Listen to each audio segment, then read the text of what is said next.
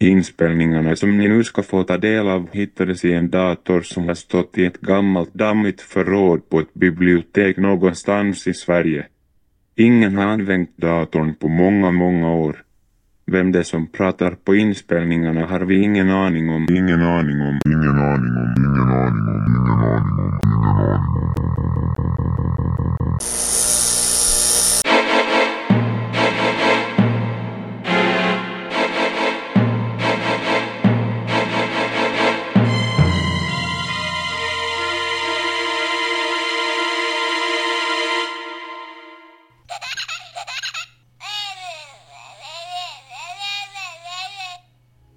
Oj, oj, så gulligt. Ljudet av en söt liten docka. Ett helt oskyldigt ljud. Från en alldeles ofarlig leksak kan man tro.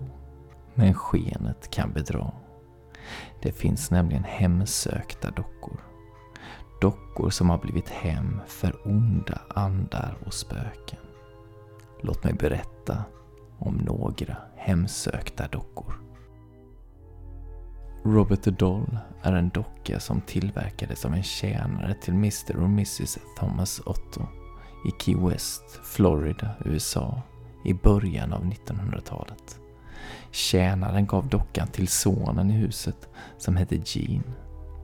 Man kan ju tro att tjänaren var snäll när han gav bort dockan, men så var det nog inte. Förmodligen hade tjänaren skapat en ond spökdocka för att han ville hämnas på pojkens föräldrar.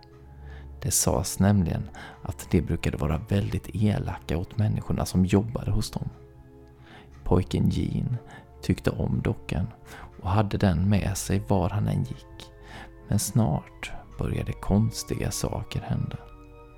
Folk sa att de hade sett dockan röra på sig och vissa människor påstod att dockan ibland fnittrade. Dessutom blev Jeans andra leksaker sönderslagna. Vissa människor är övertygade om att det var dockan som slog sönder dem. När Jean var ensam med dockan på sitt rum kunde man höra hur han pratade med sin docka där inne. Det konstiga var att man även kunde höra en märklig röst som svarade. Kunde dockan prata?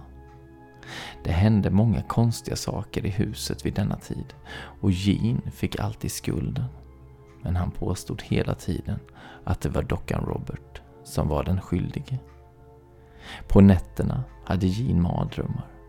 När han vaknade var möblerna omkullvälta och Robert satt i hans säng och stirrade på honom.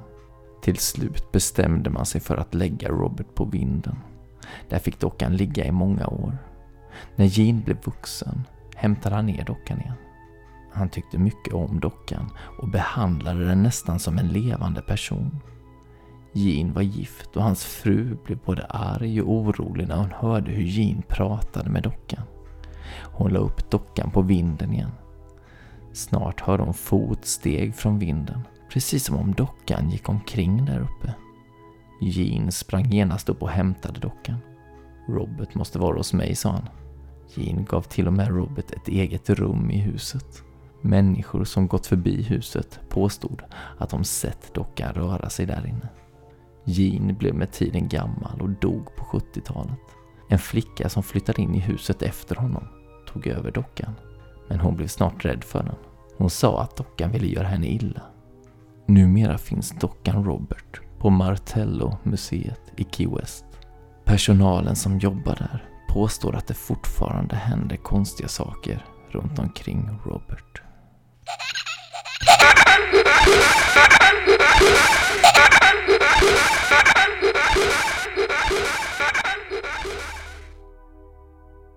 Kanske har ni hört talas om dockan Annabelle.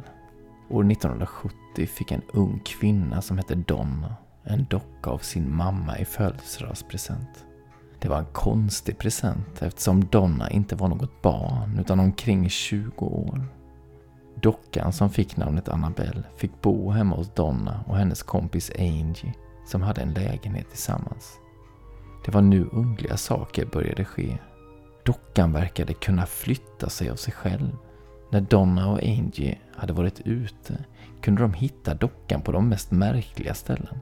Lämnade de dockan på soffan i vardagsrummet när de gick kunde de mycket väl hitta den sittandes i sängen när de kom hem. Snart hittade tjejerna även mystiska meddelanden i lägenheten. Dessa meddelanden var skrivna på små lappar och det såg ut som ett barn hade skrivit dem. På vissa av lapparna stod det Help us. På andra stod det Help Lou. Donna och Angie trodde att det var någon som smög sig in i lägenheten när de var borta och skojade med dem. De ställde därför saker framför dörrar och fönster. Men konstigheterna fortsatte, fastän sakerna som tjejerna ställt ut inte hade blivit flyttade. När dockans klänning en dag plötsligt hade fått blodröda fläckar blev tjejerna livrädda och kallade på en spökexpert. Denna expert berättade att det fanns ett spöke som hade tagit sig in i dockan. Spöket var en sjuårig flicka som tidigare hade dött i lägenheten där Donna och Angie nu bodde. När tjejerna fick veta detta bestämde de sig för att låta spöket vara kvar i dockan. En sjuårig flicka kunde väl inte vara farlig? Eller? Jo, kanske kunde hon det. Tjejernas kompis Lou tyckte inte om dockan Annabelle. Han hade otäcka mardrömmar om dockan. Det gick så långt så att han till och med drömde att dockan ville döda honom. När han var på besök i lägenheten en dag hörde han konstiga ljud från rummet där dockan just var. Han gick in och såg att Annabelle låg slängd på golvet.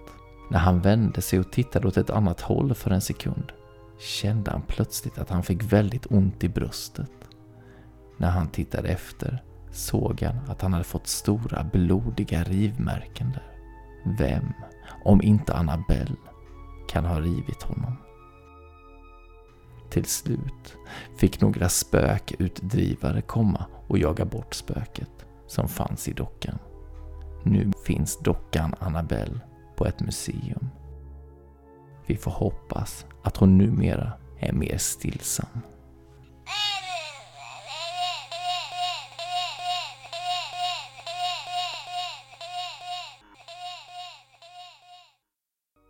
Lita aldrig på att dockorna som finns i ditt hem är oskyldiga och ofarliga. De kan verka vara helt vanliga leksaker på dagen, men vad som helst kan hända med dem på natten. Lyssna här på berättelsen om dockorna på natten. Davids föräldrar hade haft teater Tax så länge han kunde minnas. Det var en dockteater och Davids mamma och pappa styrde sex marionettdockor. Teater Tax åkte runt i landet och spelade sina pjäser på bibliotek och dagis. När David var ett litet barn satt han och tittade förundrat på varje föreställning. Han förstod inte att det var hans föräldrar som fick dockorna att tala och röra sig. Nu för tiden tittade han aldrig på dockteatern. Han tyckte att pjäserna var alldeles för mesiga och tråkiga. Det händer ju ingenting spännande, sa han. Alla är så snälla. Men det är ju det som är meningen, sa hans mamma. Vi spelar teater för småbarn. Vi vill inte skrämmas. Så länge de är små kan de få tro att alla människor är snälla. Då blir de kanske snälla själva. Vi spelar trevliga pjäser om trevliga saker. Det otrevliga och otäcka lämnar vi hemma. Mamma höll på att laga kapten Pauls mössa som hade spruckit i sömmen. Kapten Paul var en av marionettdockorna. De andra hette Sussi, Mormor, Turebo, Ramsules och så var det Tax som hade gett teatern dess namn, Teater Tax. Dockorna var olika till utseende och klädsel, men deras ansikten var likadana. Ögonen var alldeles runda och munnarna log. Just nu var mamma och pappa hemma en hel vecka för att tvätta och laga dockornas kläder och öva in nya, snälla pjäser. David var inte särskilt intresserad. Han var så van vid teatern att han knappt tänkte på den. I källaren hade Davids föräldrar byggt en scen där de övade med dockorna. Scenen hade en ridå av tyg i alla möjliga färger. Det lilla draperiet drogs fram och tillbaka med hjälp av en lina. Ovanför scenen fanns något som liknade en liten balkong. Där satt mamma och pappa och styrde dockorna med trådar så att de dansade och hoppade på scenen. Mamma och pappa var svartklädda så att varken de eller trådarna syntes. Man kunde nästan tro att dockorna rörde sig själva. På nätterna plockades dockorna ner i kartonger. Varje docka hade sin egen kartong. Det såg nästan ut som sex sängar, ställda bredvid varandra. När dockorna låg i sina kartonger var de märkligt livlösa, som om de sov eller var döda. Inte förrän någon lyfte upp dem och drog i trådarna kom de till liv igen.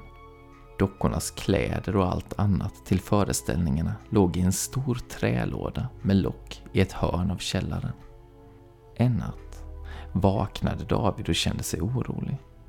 Väckarklockan visade på halv tre. Det var alldeles tyst i huset. David förstod inte varför han hade vaknat mitt i natten. Det brukade han aldrig göra. Han låg och vred och vände på sig utan att kunna somna om. Han sträckte ut handen mot sängbordet för att känna på sin nya kamera.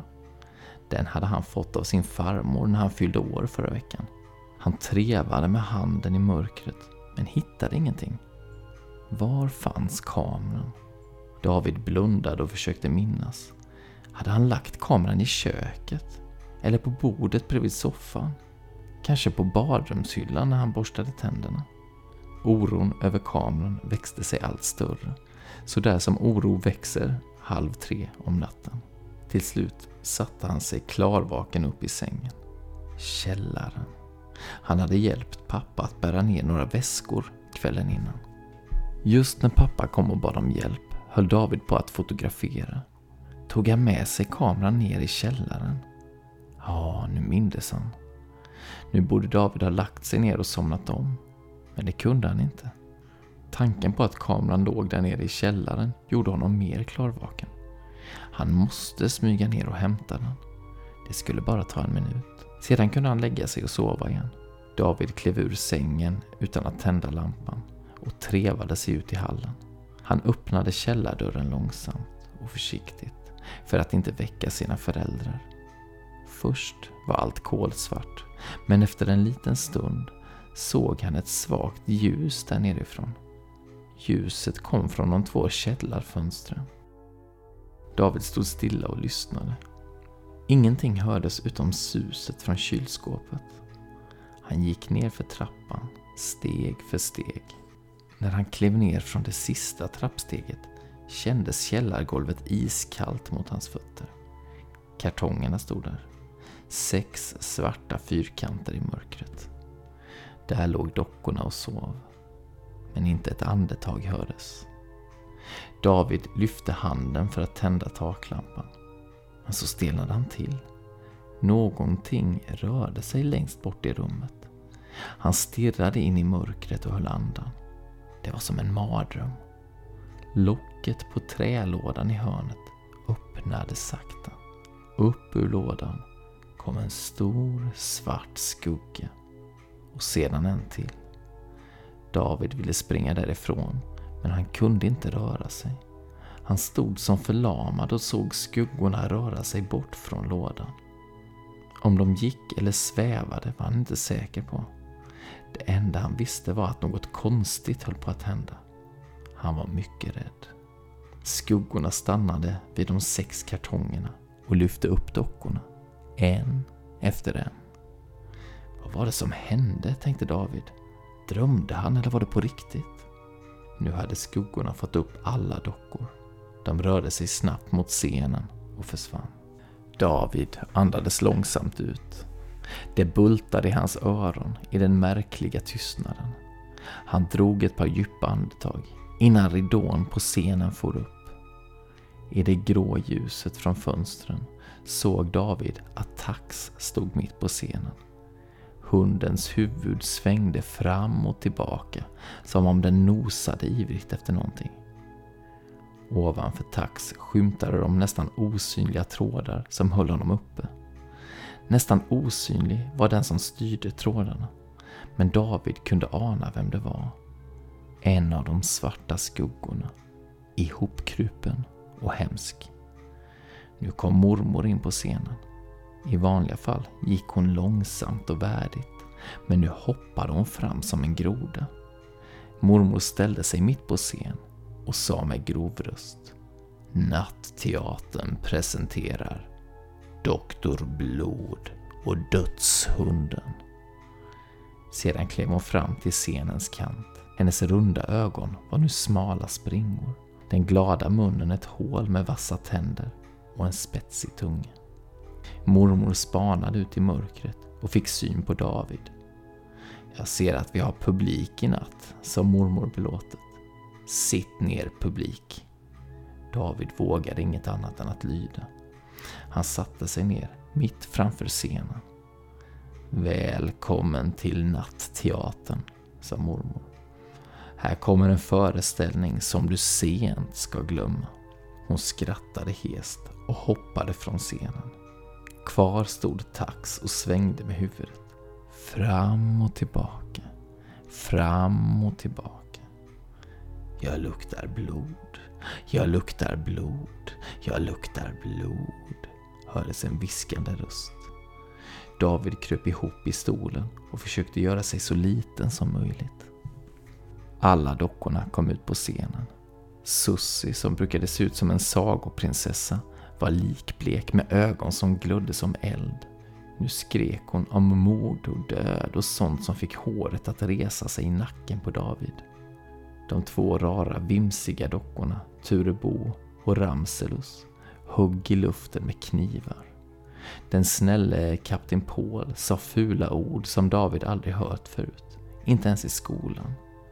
Tax vaggade med huvudet och upprepade Jag luktar blod, jag luktar blod. Mormor skuttade fram och ropade Låt spelet börja. David fick se en teaterpjäs som inte liknade något han hade sett förut. Doktor Blod kom till stan med sin dödshund. Hunden spårade upp olika offer och slet dem i stycken. Turebo och Ramselus hackade offren i bitar. Mormor la ner bitarna i en gryta och kokade dem till köttfärssås. Medan hon rörde i grytan sjöng hon en visa om varulvar. Sedan åt dockorna köttfärssås och spaghetti som egentligen var långa vita maskar. Istället för riven ost åt de rivna tånaglar. Alla dockorna smaskade sa att det var gott. Äntligen var det slut. Alla dockorna ställde sig på rad och bugade. David vågade inget annat än att applådera. Fast det var den äckligaste pjäs han någonsin hade sett. Han höll på att kräkas. Ridån gick ner. David slappnade av. Skönt att det var slut, tänkte han. Nu kunde han kanske smita upp för källartrappan. David ville gå därifrån, men han vågade inte. De två skuggorna måste vara allt det otäcka som hans föräldrar lämnade hemma varje gång de reste ut med sin teater. För varje gång de spelade snälla pjäser blev skuggorna i lådan större och större. Nu spelade skuggorna upp sin egen pjäs. Då lyftes den ena kanten av ridån upp.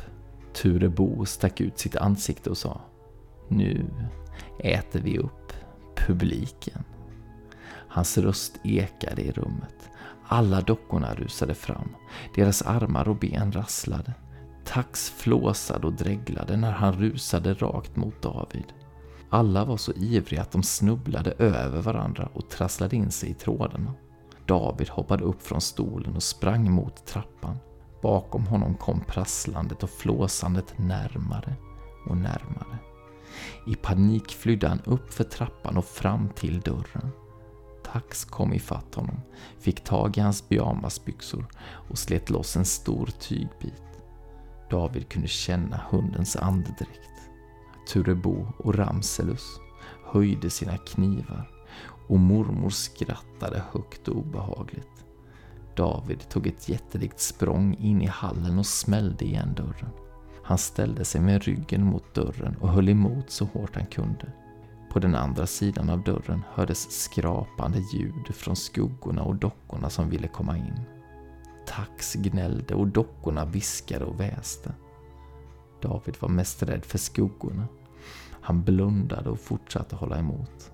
Vad skulle hända om källardörren öppnades och allt det otäcka strömmade in i huset? Lampan tändes plötsligt David blev bländad av ljuset.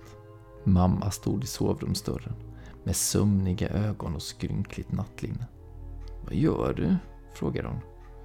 David svarade inte. Han la örat mot dörren och lyssnade. Ingenting hördes längre från källaren. Skuggorna och dockorna hade nog gått tillbaka ner i mörkret. Kanske hade dockorna krupit tillbaka i sina kartonger och låg där utan att röra sig, utan att andas, som döda i sina kistor. De två skuggorna hade nog gömt sig i lådan.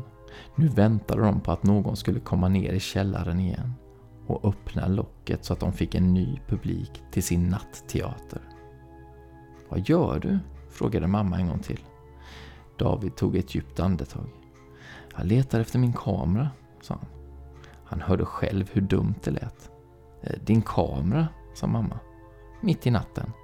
Och vad har du gjort med din pyjamas? David tittade ner och såg att byxorna var trasiga där bak. Jag måste ha fastnat i något, sa han. Kameran ligger där, sa mamma och pekade mot det lilla bordet i hallen. Men vad ska du med den till nu? Klockan är fyra på morgonen. David tog upp kameran med skakande händer. Jag tror nästan att du har gått i sömnen, sa mamma. Men nu går vi och lägger oss, va? Godnatt. Godnatt, svarade David. Mamma släckte lampan. Mörkret kom tillbaka. David gick in i sitt rum och kröp ner under täcket.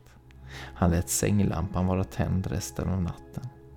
Inte förrän morgonljuset kröp in under rullgardinen somnade han. Strax därpå kom mamma in. Ja, dags att gå upp David. På kvällen sa pappa. Jag måste kolla dockorna. Turbos tröja behöver nya knappar. Kan du gå ner och hämta den i källaren? David stirrade skräckslaget på pappa. Aldrig i livet.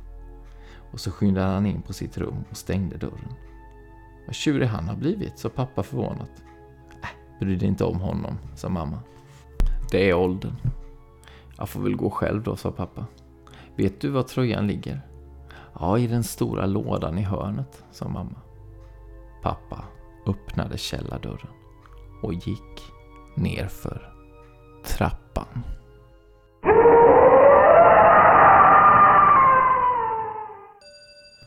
Hatiska dockor och mörka källare. Ingen bra kombination. Kom ihåg det.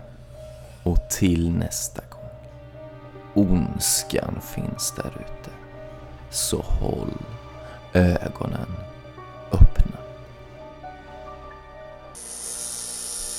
Berättelsen Dockorna om natten kan du hitta i boken Jag heter död av Lena Arro.